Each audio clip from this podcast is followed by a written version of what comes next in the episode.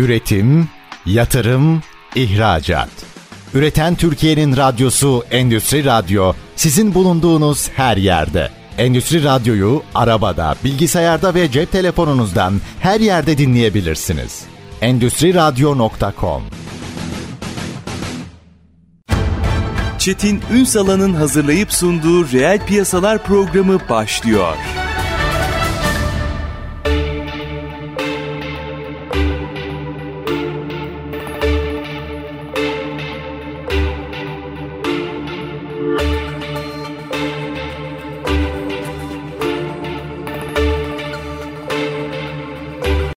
Reel piyasalardan merhabalar. Türkiye'nin gerçek gündeminde birlikteyiz. Efendim çok kıymetli bir konumuz var. Hizmet İhracatçıları Birliği Bilişim Komitesi üyesi ve aynı zamanda Başar Sop CEO'su Alem Küçük Pehlivan. Bugün reel piyasaların konu. Sayın Küçük Pehlivan yayınımıza hoş geldiniz. Hoş bulduk. Üstad yıllardır bu meseleleri konuşuyoruz. Sizin bu konuda çok emekleriniz olduğunu da biliyorum. Fakat normal süreçlerde anlattıklarınızın ne kadar önemli olduğunu aslında biz çok acı bir tecrübeyle yaşadık. Biraz konuşalım mı bunu? Evet biz 97'de şirketi kurduğumuz süreçten 2 yıl sonra 99 depremini yaşadık. Birkaç ay sonra bizi afet bölgesinden valilikler aradılar ve çadır kentler, kalıcı konutlarla ilgili ön hazırlıklar, konteyner kentlerle ilgili harita tabanlı yer seçimi, yardım dağıtımı gibi konularda destek istediklerini belirttiler. Ve o süreçte afet sonrasını biz görmüş olduk. Afet sonrası normal hayata geri dönüş için adımlar. Sonra zaman içerisinde 2010'lu yılların başında AFAD kuruldu ve AFAD eski Afet İşleri Genel Müdürlüğü, Sivil Savunma Genel Müdürlüğü gibi o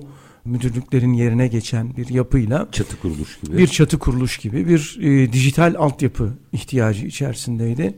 Ve tabii ki afetin e, konumdan bağımsız olması mümkün değil. En e, hassas parçacığı ee, orada biz şirket olarak e, bir proje içerisinde çalışmaya başladık ve çok uzun soluklu bir çalışma oldu.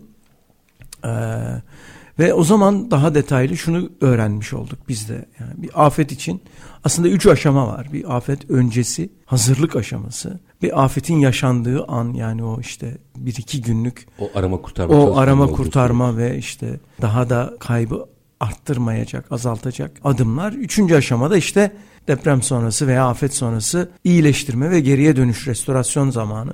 Biz ülke olarak aslında kültürümüz gereği biraz afet öncesinde sınıfta kalıyoruz. Şöyle sınav sabahı derse çalışan ve işte sınıfta da dersten de zayıf not alınca da olmadı diye vahtüh eden öğrencilere benziyoruz. Öyle olmaz çünkü. Yani zaten. kriz yönetimi ile risk yönetimi arasındaki farkı karıştırıyoruz. Evet yani kriz çok doğru çok doğru bir tespit. Krizi yönetmekle riski yönetmek çok farklı. Risk önceden hesap edilir ve riske göre de senaryolar oluşturulur. Bunun yapılamadığı bir olay daha acı bir olay daha yaşandı. Tabii ki alınacak birçok ders var. Teknolojiyle o zamanki teknolojiyle bu anki teknolojiye baktığımızda biz deprem sabahı çok hızlı bir şekilde hiç orayla bir ilgimiz olmamasına rağmen o sabah atılan işte göçük altındayım şu kadar bir pilim kaldı bataryam kaldı diyen yardım taleplerini doğal bir içgüdü gereği haritalandırmaya başladı bizim Ankara ekibi. Bir baktık ki 100, 200, 500, 1000 o gün akşama 1000, 1500 civarında talebi.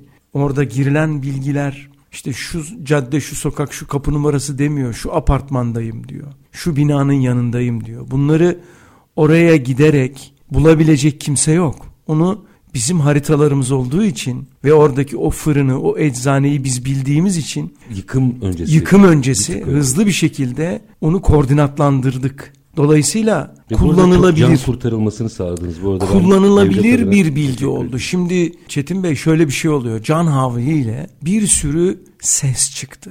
O sesle bir sürü bilgi paylaşıldı. Ama ihtiyaç duyulan yabancı bir deyim vardır. Actionable intelligence diye. Yani hareket edilebilir üzerinde bir plan çalışılabilir bir bilgi. O bilgilerin kullanılabilir hale getirilmesini sağlamaya çalıştık. Çünkü oraya giden birinin oraya yardım veya hatta şöyle bir şey oldu. Ee, birinci günün akşamı Türksel GSM firmaları bizim müşterilerimiz. Dediler ki bunları biz bize paylaşın. Mobil baz istasyonlarını nereye kuracağımızı tahminleyelim. Yoğunluk haritası çıkıyor çünkü. Dolayısıyla bu bilgileri kullanılabilir hale getirip kullanıma açtık. Daha ilk başta böyle şey oldu ya bu işte kişisel veriler var açalım. Dedim ki kişisel veri Can falan var burada. yani burada cam var arkadaşlar. Ne gerekiyorsa açın. İşte doğruluğu konusu biraz şey olmaya başladı. Çünkü ikinci gün biz şeye geçmiştik yani Amazon bize ulaştı sağ olsun. Hemen buluta taşıdık uygulamayı Amazon sunucularına ve dıştan da veri eklemeyi aktif hale getirdik. O veriyi eklerken bir basit güvenlik önlemi olarak işte TC kimliğini sorup ismi kontrol eder hale getirdik ki çünkü bazı sorunlu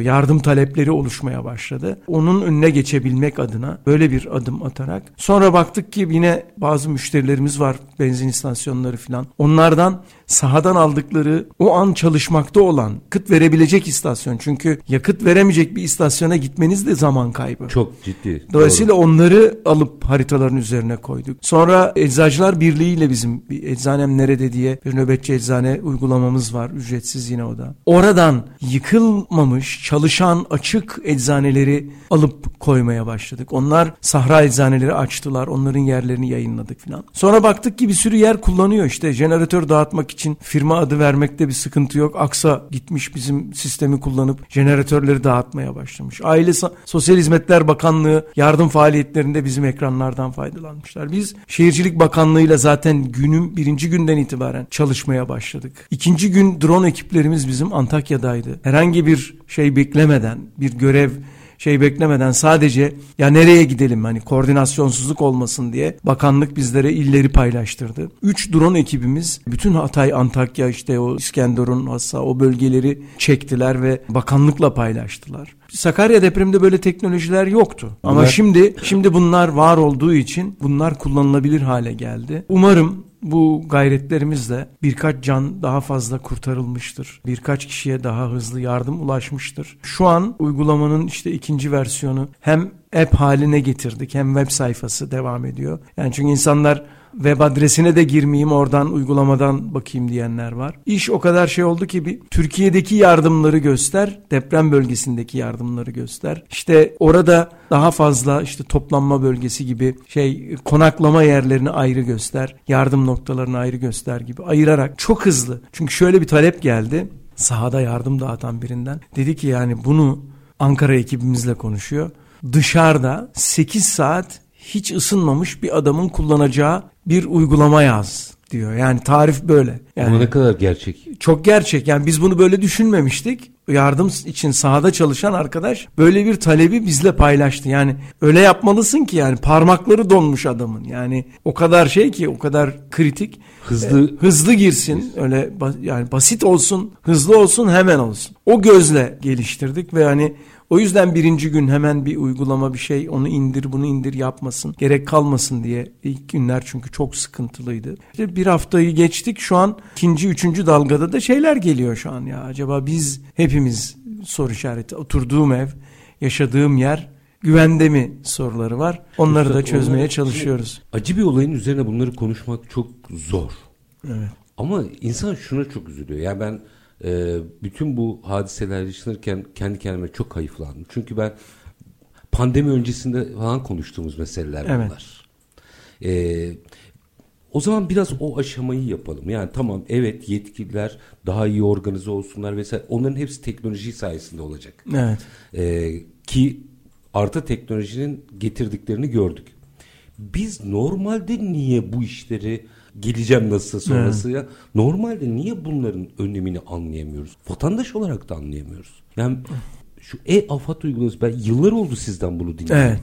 Ama kaç kişi de vardı o gün bilmiyorum. Şimdi şöyle bir konunun alışkanlık ve davranış biçimi haline gelmesi için sizler içindesiniz medyanın reklamlarla işte şu kahveyi içmelisin, şu markayı giymelisin diye bize yüz binlerce mesaj geliyor değil mi? Bir, bir günün içinde hayatımızın akışında. Söylesenize bana afet ve depremi gün içerisinde kaç kere duyuyor insan? Deprem olmadan önce düşün. Neredeyse hiç. Yok. Ben size çok acı bir şey söyleyeyim. Konteynerlar vardı hatırlar mısınız? Evet. Onlar kaldırıldı. O konteynerlar deprem, deprem için konulan konteynerların kaldırılması büyük hataydı.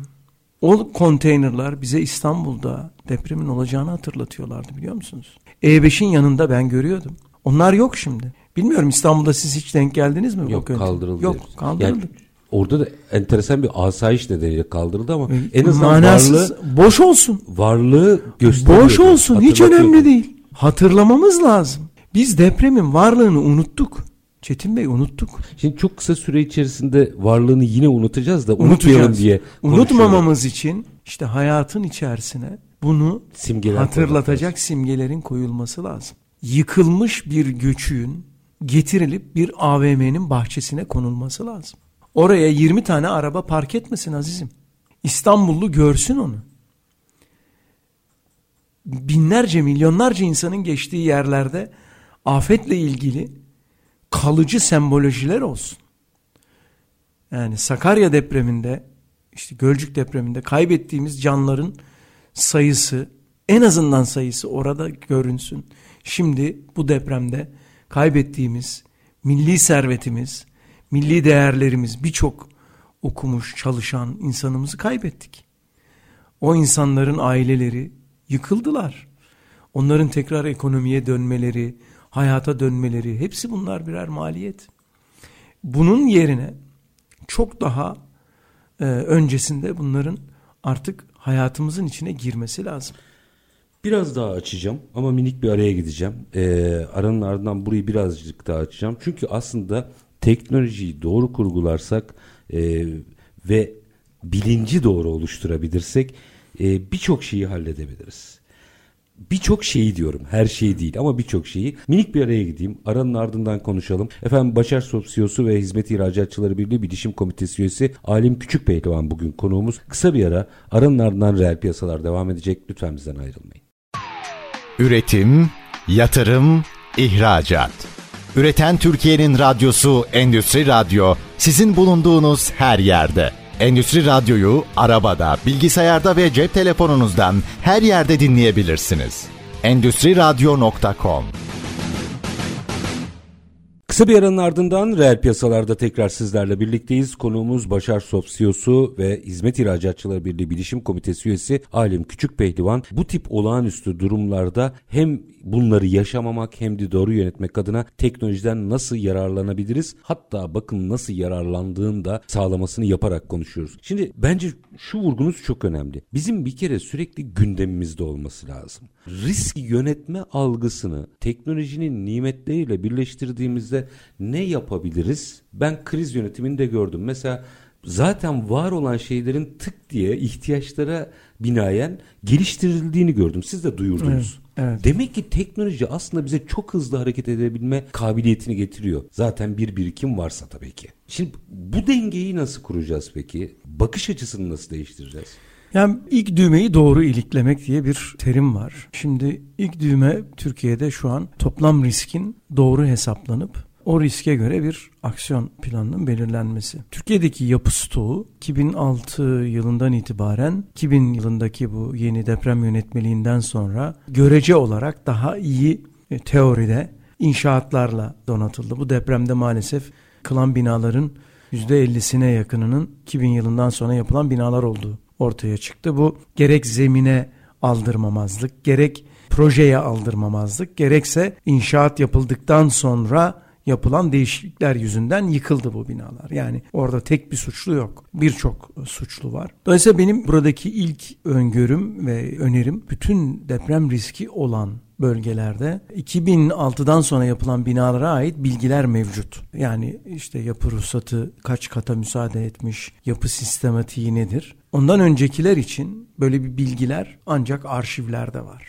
Ki Kağıt. dijitalleştirilmesi gerekiyor galiba. Bazılarını dijitalleştiren çok belediye var. Yani büyük şehirlerdeki birçok ilçe belediyesi geçmişe yönelik bunları sistemlerinde, kendi sistemlerinde dijital hale getirdiler. Dolayısıyla ilk önce bir bunların toplam riskin hesaplanması ve en riskli ve en çok nüfusun yaşadığı yerin belirlenmesi lazım. Bu aslında 2001 yılında İstanbul'da böyle bir örnek çalışmayı Japonlar yaptılar. JICA diye bir organizasyonları var. Onların hibeleriyle İstanbul Büyükşehir Belediyesi birlikte çalışarak e, yaklaşık 300-400 milyon metrekare arasında bir alanın öncelikli risk alanı olduğunu belirlediler. Taramadan sonra. Taramadan sonra. Bu nedir? Zemin yani İstanbul'un yaklaşık 400 ayrı yerinde diye hatırlıyorum o zaman. Bir zemin taraması yapıldı ve zeminden dolayı yani üstündeki binanın sağlamlığından hariç zeminden dolayı riskin yüksek olduğu bölgeler belirlendi. Dolayısıyla bu 2019'da da belediye tekrar bir çalışma yaptı ve bu haritalar daha da hassaslaştırıldı. Bu çalışmaların tüm illerde yani deprem riskinin yüksek olduğu tüm illerde yapılması zorunluluğu var. Toplanılan deprem vergilerinin buralarda kullanılması zorunluluğu var. Bu çalışma yapıldıktan sonra riske maruz olacak yerler belirlenecek. Yani burada işletmeler var, yaşayanlar var, çalışanlar var, fabrikalar var. Ondan sonra da mitigasyon deniyor. Yani bunların yer değiştirilmesi, daha güvenilir yerlere alınmasıyla ilgili finans altyapısıyla birlikte bir inşaat altyapısının da oluşturulması lazım. Türkiye'nin böyle bir her ne kadar çok büyük bir inşaat kapasitemiz olmasına rağmen bu kadar riskli alanı öyle birkaç yılda taşıyabilecek bir kapasitesi yok. Onun için en öncelikli yerlerden, en riskli sektörlerden başlanması lazım. Artı belli yerlerin artık yeni istihdama, yeni işte inşaata durdurulması lazım. Yani İstanbul'un yeni nüfus almaması lazım. Buna her türlü işte anayasaya mı koyacaklar, nereye koyacaklarsa onun hukuki altyapısını ben bilemem. Onun bir an önce oluşturulabiliyor olması lazım. Bu sayede belki yavaş yavaş gerçek adımlar atılmaya başlanabilir. Tabii ki bu arada işte zemin dışında mevcut binaların güçlendirilmesi, işte yeni yerlerde daha teknolojinin de yardımıyla daha hesaplı, daha insana uygun yerleşim yerlerinin belirlenmesi ve planlanıp inşa edilmesi mümkün olabilir. Bunun bir an önce yapılması lazım. Yani bütüncül 360 derece bir yaklaşım olmadan bir yere varabilmemiz çok zor. Üstad şu anda Türkiye'nin bir röntgenini çekelim desem o sizde var harita röntgeninden evet, bahsediyorum. Evet. Yani bizim aslında nerede neyimiz var hepsi. Siz, siz bunu normal işlerde de ama kamuya da çalıştığınız evet. için kamuyla evet. aslında kamunun elindeki bütün bilgiyi siz topladınız. Olabildiğince, Olabildiğince katkımız var. Evet. Yani şimdi burada birkaç noktayı değerlendirmek lazım. Birincisi bu veri yazılımla da bütünleştiği için şu anda nasıl kullanılmalı? İkincisi bu son değişikliklerle ilgili maalesef yani 10 ilimizde ciddi bir değişiklik hmm. oldu. Biliyorum ki oraya da şimdi yine evet. çalışma yapacaksınız ama onu nasıl okumalıyız? E, belki işin teknolojik tarafını buradan da açarsanız yol haritası da alabiliriz. Evet yani şimdi şöyle bizim deprem sonrası hemen arkadaşlarımız analizlere başladılar. Yıkılan binalar ve yıkılan binalarda var olan mevcut işletmeler nelerdi, neler şu an çalışmıyor, neler kaybedildi gibi. Bu bu veriler çok var artık. Yani üzerinde çalışabileceğimiz bilgiler var. Hakikaten devletin veri tabanlarıyla da entegre bir şekilde. Mesela 112'de bizim bir adreste işte kaç kişi yaşıyor, orada kayıtlı kimler var bilgilerini oradaki görevli personel görebiliyor. Hatta isterse TC kimlik numaralarından isimlerine kadar dökebilecek durumdalar. Dolayısıyla aslında üzerinde çalışabilecek zemin hazır. Burada yapılması gereken bunun artık bilimsel bir metotla siyasilerden bağımsız adım adım yürütülmesi ihtiyacı var. E şimdi Sakarya'da yaşadık biz bunu. Kalıcı konutlar işte Kocaeli depreminden sonra yeni yapılan yerlerin hepsini görmüşsünüzdür. Hı hı. Artık ovada yok. Otobandan geçerken bakıyorsunuz artık tepelerde yeni inşaatlar. Dolayısıyla aynı deprem bölgesinde de belki Hatay merkez gibi yerlerde, tarihi değeri olan yerlerde şehri taşımak mümkün olmayabilir ama Binanızı oralarda, ona göre yapabilirsiniz. Oralarda binaları ona göre yapma zorunluluğu getirip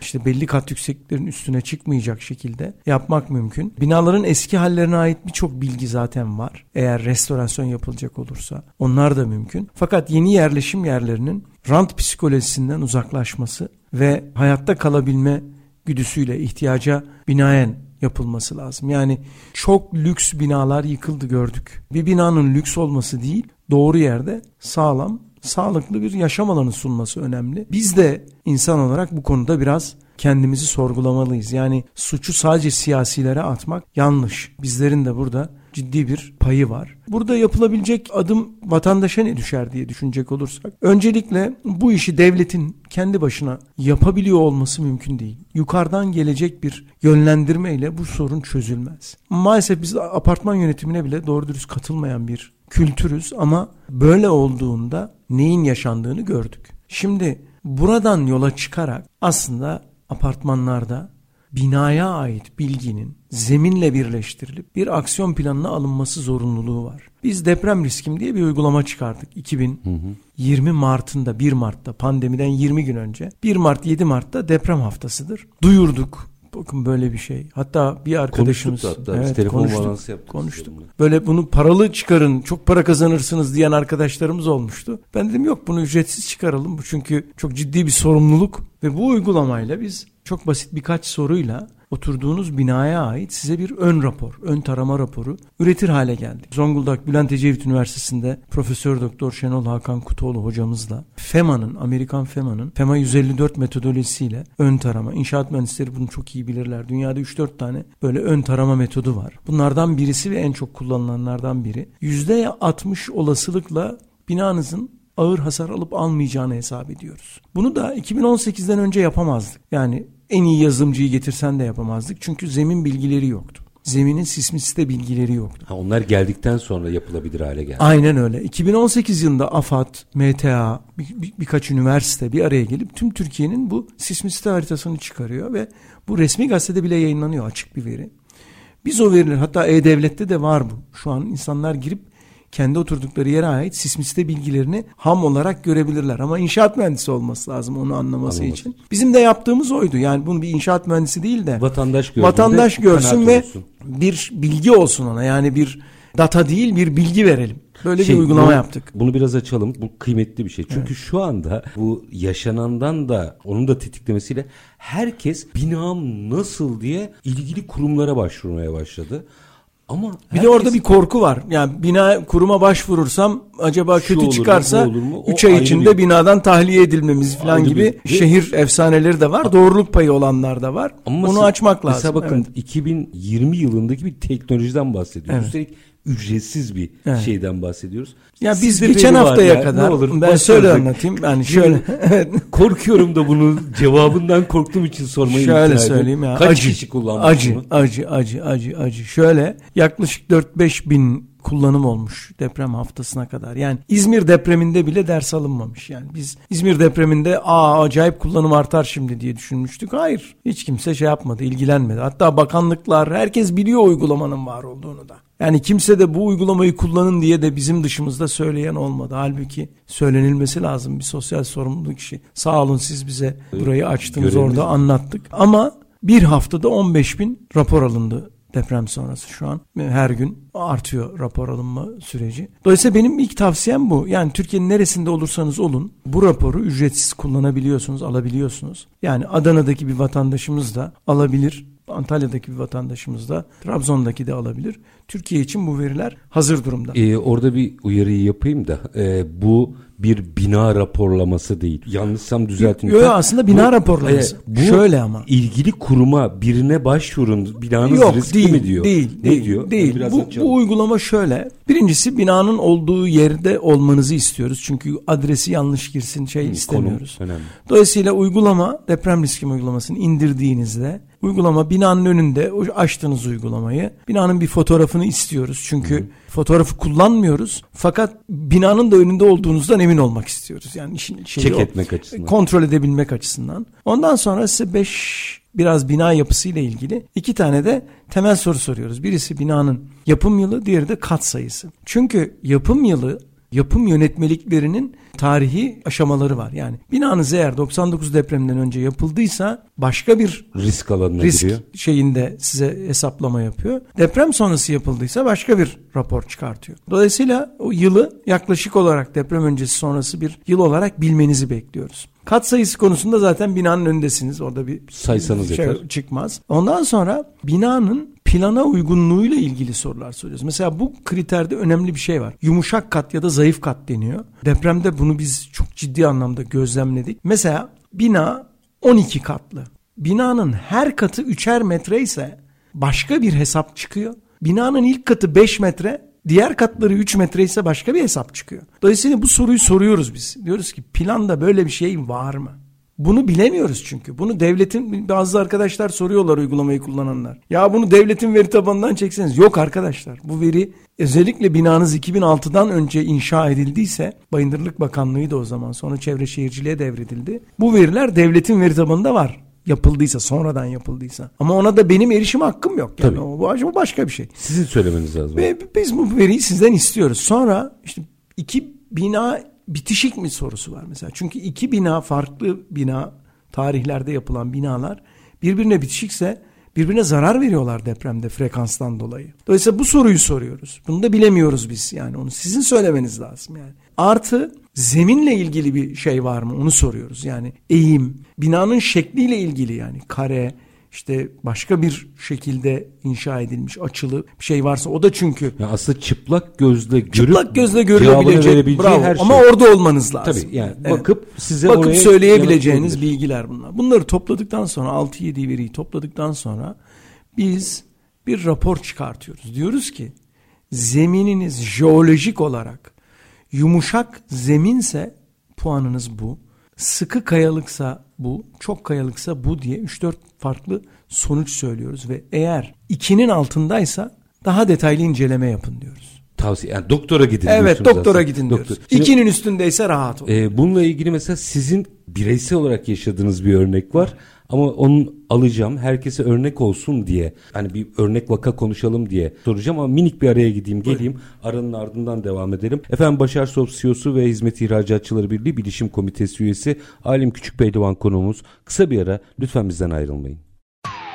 Üretim, yatırım, ihracat.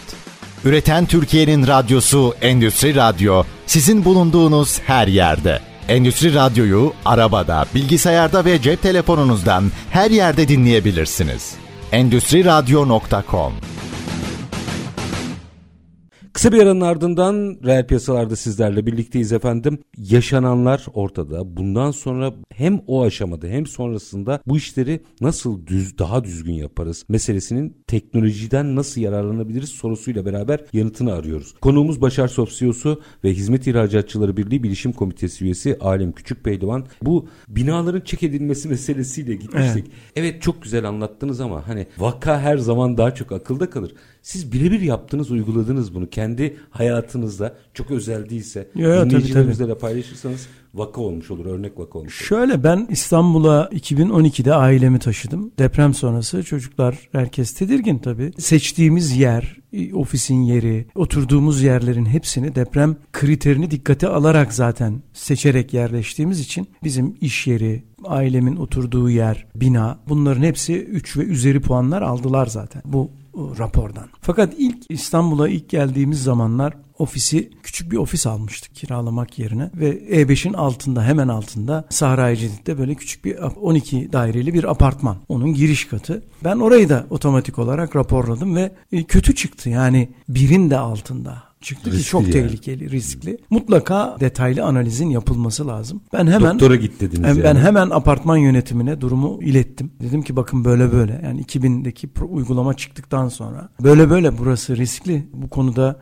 bir apartman toplantısına gündem olarak eklerseniz konuşulmasını sağlayalım dedim. Kimse cevap dönmedi. ilgilenmediler de. Bir süre sonra benim Foça'da bir küçük bir yazlık şey vardı. Çok eski. Orada bir tadilat yaptırma ihtiyacımız oldu. Orada baktım ki orası da çok riskli ve hemen kendi başımıza olduğumuz için en azından yazlık tek şeydi. Hemen güçlendirmesini yaptırttım. Dolayısıyla hayatımızın içerisine bu sorgulamayı koymak lazım ama yani bizi bu kadar iyi tanıyan çok ortak bir dostumuz var sizle. Ev aldı iki yıl önce. Bakmadı bile. Bakmadı bile ve sordum diyor. Sorduğu çok sağlam burası. Bina ben gördüm inşaat bina dökülürken işte beton dökülürken çok sağlam. Yılın zaten efsanesi de o. Evet. Müteahhiti tanıyorum. Evet, müteahhiti tanıyorum. Evet. O Müteahhitin hakikaten. haberi var mı orada acaba nasıl bir şey yapıldığından? Yani en azından zemin zemine bakmak lazım. Yani aradığımız konfor, önceliklerimiz farklı. Güvenlik bakmamız lazımken konfora bakıyoruz. E hakikaten 15-20 metrekare daha dar olsun oturduğunuz ev ama daha sağlam bir yerde alın, yaşayın. Ve baktık hakikaten ortak dostumuzun raporuna baktığımızda da ikinin altında, birin üstünde. Riskli bir yer almış Riskli bir aslında. yer almış. Evet, evet. Riskli bir yer almış yani. Ben şeye de takıldım. O 12 katlı bina. En azından bütün bu yaşananlardan sonra dönüp size ya Alim Bey siz bir şey diyordunuz diyen oldu mu? Şimdi yok henüz olmadı ama ben e, tekrar gündeme getireceğim tabii. Eğer onlar bir aksiyon almazlarsa biz orayı işte bırakıp gideceğiz demektir. Demektir yani. Hayır, e, bu, bu da çok garip bir durum. Yani evet. sizin hala gündeme getiriyor olmanız da garip bir durum. Evet, en evet. azından bu yaşanandan sonra Orada şöyle bir Halim Bey bir şey söylüyordu diye birilerinin ek bir bilgi vereyim. Orada yeni bir şey oldu. Biz bu uygulamayı çıkardıktan sonra İBB bizle iletişime geçti. Dedi ki ya bizde daha hassas bir veri var. Onu da entegre edebilirseniz bir uygulamayı bizim İBB olarak yayınlayalım. E, biz hocayla da konuştuk ve V30 dedikleri bir ek ve katman var İstanbul için yapılmış bu 2019'daki hmm.